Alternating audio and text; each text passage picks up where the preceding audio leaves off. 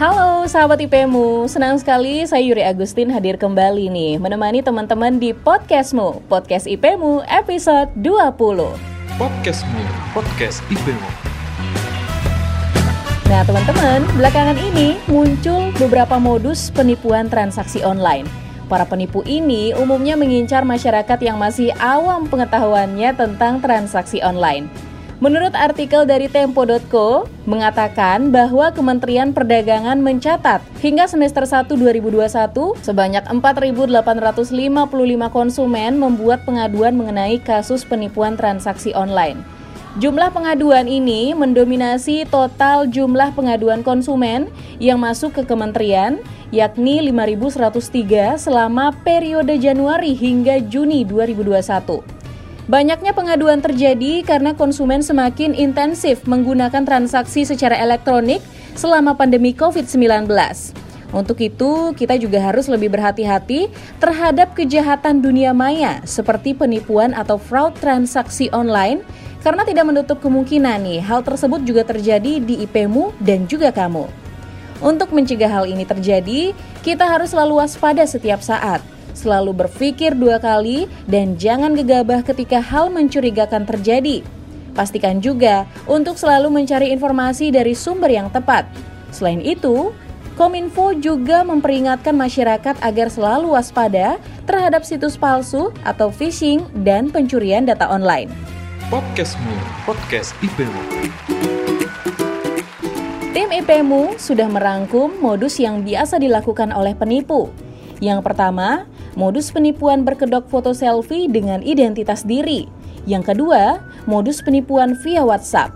Yang ketiga, modus penipuan via SMS. Yang keempat, modus penipuan via telepon. Yang kelima, modus penipuan via email. Dan yang keenam, modus penipuan atas nama bank. Kali ini juga kami informasikan jurus jitu agar kamu terhindar dari penipuan. Yang pertama, miliki password yang kuat dan aman di semua akun digital. Yang kedua, pahami pentingnya merahasiakan kode OTP. Yang ketiga, jaga kerahasiaan data. Jangan pernah memposting data pribadi ke media sosial. Yang keempat, jangan sembarangan mengunduh aplikasi di ponsel maupun laptop. Pastikan selalu logout setelah bertransaksi. Yang keenam, jangan mudah tergiur tawaran hadiah atau diskon yang tidak jelas. Setelah mengetahui ciri-ciri modus penipuan online dan cara menghindarinya, kamu menjadi selangkah lebih maju dan aman. Gak perlu panik, apabila kamu mengalami atau menemukan hal yang mencurigakan, sebaiknya kamu langsung melakukan konfirmasi atau lapor kepada pihak terkait.